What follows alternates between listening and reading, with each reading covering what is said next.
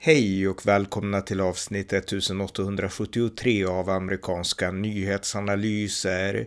En konservativ podcast med mig, Ronny Berggren, som kan stödjas på swishnummer 070-30 28 95 0. Igår den 6 juni så lät New Jerseys före detta republikanske guvernör Chris Christie pålysa sin presidentkandidatur på ett tunnelmöte i New Hampshire. Här berättar jag om det. Varmt välkomna! Ja, en republikansk politiker som har funnits med i bakgrunden i hela amerikanska nyhetsanalysers historia, där Chris Christie, han var guvernör i delstaten New Jersey mellan 2010 och 2018 och eh, jag har följt honom på amerikanska nyhetsanalyser sedan starten när han kandiderade till guvernör 2009 och eh, han besegrade då sin eh, demokratiska motståndare då John Carson. Och eh, det jag gillade med Chris Christie, det var att han kombinerade en tuffhet med konservativ rasism. För de två sakerna går inte alltid hand i hand. Eh, man kanske kan tro det nu när Donald Trump har dominerat det republikanska partiet, men det har inte alltid varit så. Republikanerna är oftast väldigt snälla och mjuka som personer. Det är inte mediebilden av dem, men det är sanningen om dem. Och eh, George W. Bush var sån och väldigt många liksom republikaner har en ganska mild framtoning. Tänk Mike Pence och sådär. Eh, Chris Christie, han kom in som en stormvind och han var tuff på sina townhall-möten, slog mot både höger och vänster och kombinerade konservativa principer fiscal conservatism och liknande med en tuff attityd, tuff personlighet, eh, samtidigt som han hade förmågan att nå både konservativa och mittenväljare. Och det var någonting jag verkligen gillade med Chris Christie. Eh, under sin första mandatperiod så eh, en av de eh, ja, största sakerna som hände det var den här orkanen, eh, orkanen Sandy som slog hårt julen där 2012 mot New Jersey och jag tror delar av New York och en, andra, en del andra delstater där i New England och eh, where Eh, Chris Christie då, som hade varit en eh, hård eh, motståndare till Barack Obama. Barack Obamas omval var 2012 och Chris Christie ställde inte själv upp då, men han backade ju helt Mitt Romney då, som var republikanernas kandidat. han hade kritiserat Obama hårt, men därefter orkanen så fick ju New Jersey mycket stöd av den federala regeringen och då kom det en bild när Chris Christie kramar om Obama på en strand där och ja, jag tyckte det var en fin bild för det visar att man kan liksom, man kan driva en hård politik och sen ha god goda liksom, relationer rent personligt. Så att det gillade jag också med Chris Christie där och då. Eh, sen gick han själv till omval som guvernör för New Jersey 2013 och det var ett omval som han var stort, men det som skulle bli mest känt från det omvalet var något som kallades för Bridgegate. Därför att det som hände det var att en av Chris Christies medarbetare stängde ner en väldigt viktig bro där eh, i, i New Jersey och eh, den var nedstängd eh, i några dagar, eh, George Washington Bridge och eh, Eh, det, var, det som hände det var att eh, jag tror till och med att det var någon ambulans som inte kom fram i tid till sjukhuset och att någon dog och liknande. Och det här blev en skandal, kallades Bridgegate och eh, Eh, Chris Christie var intrasslad i hela den, liksom, eh, allt trassel som, som ur det i några års tid. Så att det, det är en av de här sakerna man minns från hans andra mandatperiod. Men mitt i den andra mandatperioden, då kom det ett nytt presidentval, presidentvalet 2016. Chris Christie vart en av de här, vad var det, 15-16 kandidaterna som ställde upp. Och eh, man tänkte då att det här ska vara den tuffa killen i klassen. Men sen kom Donald Trump in och det var väl kanske en viss rivalitet mellan New York och New Jersey.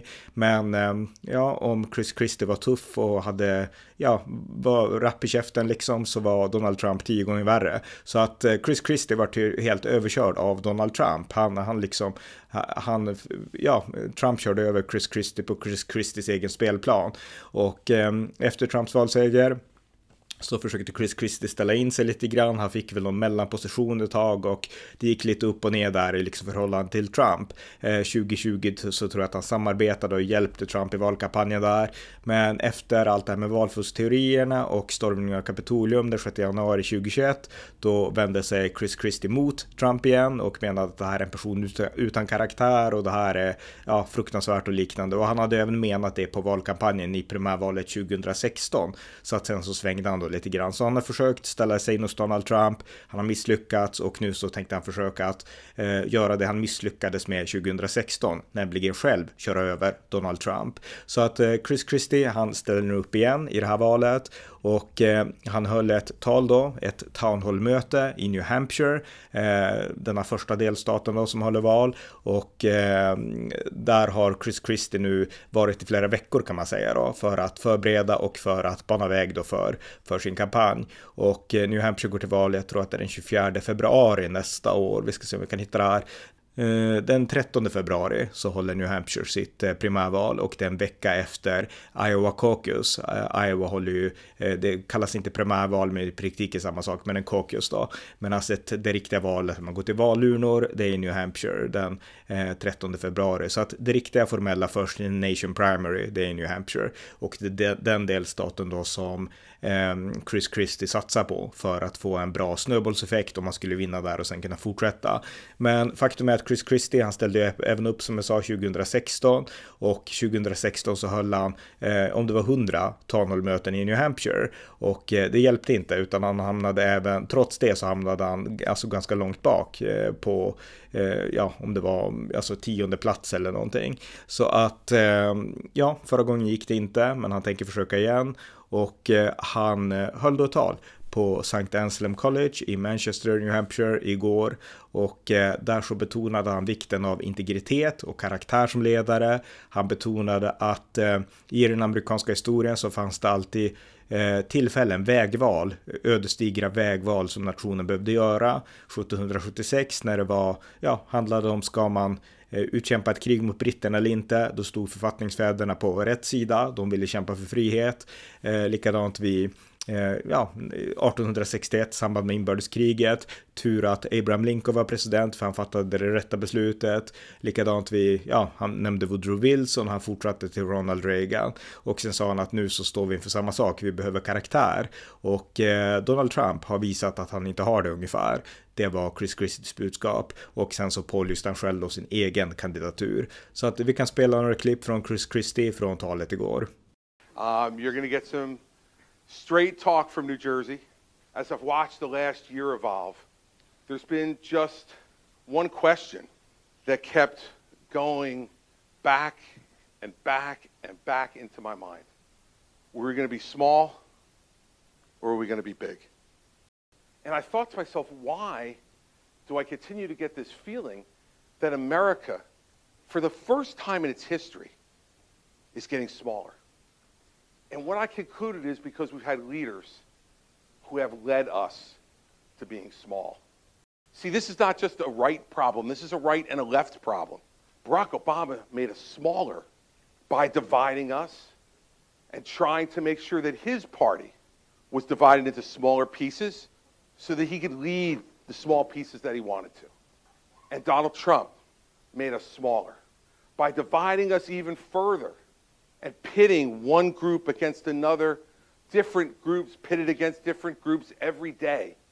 And now Joe Biden is doing the very same thing. At every pivotal moment in our history, there was a choice between small and big. 1776, there were so many people in the Continental Congress who argued against independence, said, let's just make a deal with the king. I'm sure he'll lower those taxes a little bit. Maybe he'll let us elect a few people who can say some things. We don't have to go to war for our independence. But thank God for all of us who are sitting here right now that George Washington and John Adams and Thomas Jefferson and Benjamin Franklin and Alexander Hamilton and Benjamin Rush said no. We're going big. There were those who said that the United States should just coexist with the Soviet Union that we shouldn't care that they dominate Eastern Europe. We shouldn't care that they kill their own people. We shouldn't care that they starve them. We shouldn't care that they do that to everyone else that they dominate in Eastern Europe. We should just survive. And Ronald Reagan said, they are an evil empire. And America stands up against evil. We fight evil anywhere in the world to prevent evil from becoming a part of us. And it was Ronald Reagan who, in eight years, went from pronouncing that on the front of the Capitol in his inaugural address to watching from his home in California as the Berlin Wall came down and all of Eastern Europe was made free again. All throughout our history, there have been moments when we've had to choose between big and small. And I would tell you the reason I'm here tonight is because this is one of those moments. And you see it everywhere. We have candidates for president who say, we shouldn't care about what's happening in Ukraine. We shouldn't care that Russia wants to take a free and freedom loving country and put it back under its thumb. That that's not America's concern. We can't dismiss the question of character anymore, everybody. I just will tell you this that if you are in search of the perfect candidate, it is time to leave. I am not it. And not only am I not the perfect candidate, I'm far from the perfect person. If your leaders are not willing to admit to you that they're fallible, that they make mistakes, beware. Beware of the leader in this country who you have handed leadership to, who has never made a mistake, who has never done anything wrong, who when something goes wrong, it's always someone else's fault, and who has never lost. I've lost. You people did that to me in 2016. but beware of the leader who won't admit any of those shortcomings. A leader like that thinks America's greatness resides in the mirror he's looking at. Beware. Because that leader not only will not serve you, they will not be able to find anybody who will serve them.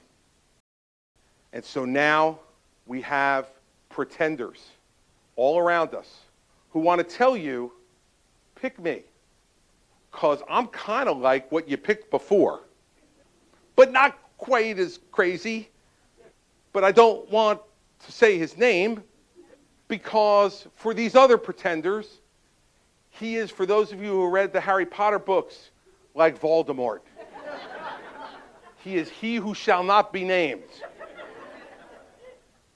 Well, let me be clear in case I have not been already. the person I am talking about, who is obsessed with the mirror, who never admits a mistake, who never admits a fault, and who always finds someone else and something else to blame for whatever goes wrong, but finds every reason to take credit for anything that goes right, is Donald Trump. You will have no doubt in your mind who I am and what I stand for and whether I deserve it. So that's why I came back to St. Anselm's, and that's why I came back to Manchester, and that's why I came back to New Hampshire to tell all of you that I intend to seek the Republican nomination for President of the United States in 2024, and I want your support. Och eh, på det här Townhall-mötet så hade han även med sig sin son, sin dotter och sin över 90, över 90-åriga pappa som också var på det här mötet och lyssnade på Chris Christies pålyssning till presidentkandidat. Och eh, han höll också en frågestund efter talet och eh, där fick han, ja, det var otaliga frågor om det ena och det andra, men han vid ett tillfälle så härmade han Donald Trump och sa att Trumps mur har inte fungerat. Och vi kan spela det klippet. It was a mistake. In 2016 not to confront Donald Trump early. Because I knew that so much of what he said was complete baloney. Like I knew it. I'm going to build the greatest, most wonderful wall across the entire Mexico border, and Mexico is going to pay for it. Well, like, I knew, as someone who had governed, that that was complete bull. But I was like, eh, people aren't going to believe that. They're not going to believe that. Mistake. But guess what? You've got no excuse now. He was there for four years, two of them with a Republican Congress. He got a quarter of the wall built, and Mexico hasn't given us our first peso. We paid for all of it, and only for a quarter of it. And when you watch illegal immigration pouring over our southern border, don't wonder whose fault it is. It's his. It's his fault because he never changed one immigration law in the two years that he had Republican control of the Congress. Not one immigration law did he change. He didn't build the wall like he told us to, and Mexico is laughing at us at the idea that they were going to pay for a wall on their border. Och eh, ja, jag tyckte det har varit kul för de flesta brukar inte angripa Trumps mur utan de brukar ändå tillstå att vad man än tycker om Trump så byggde han muren och den fungerade.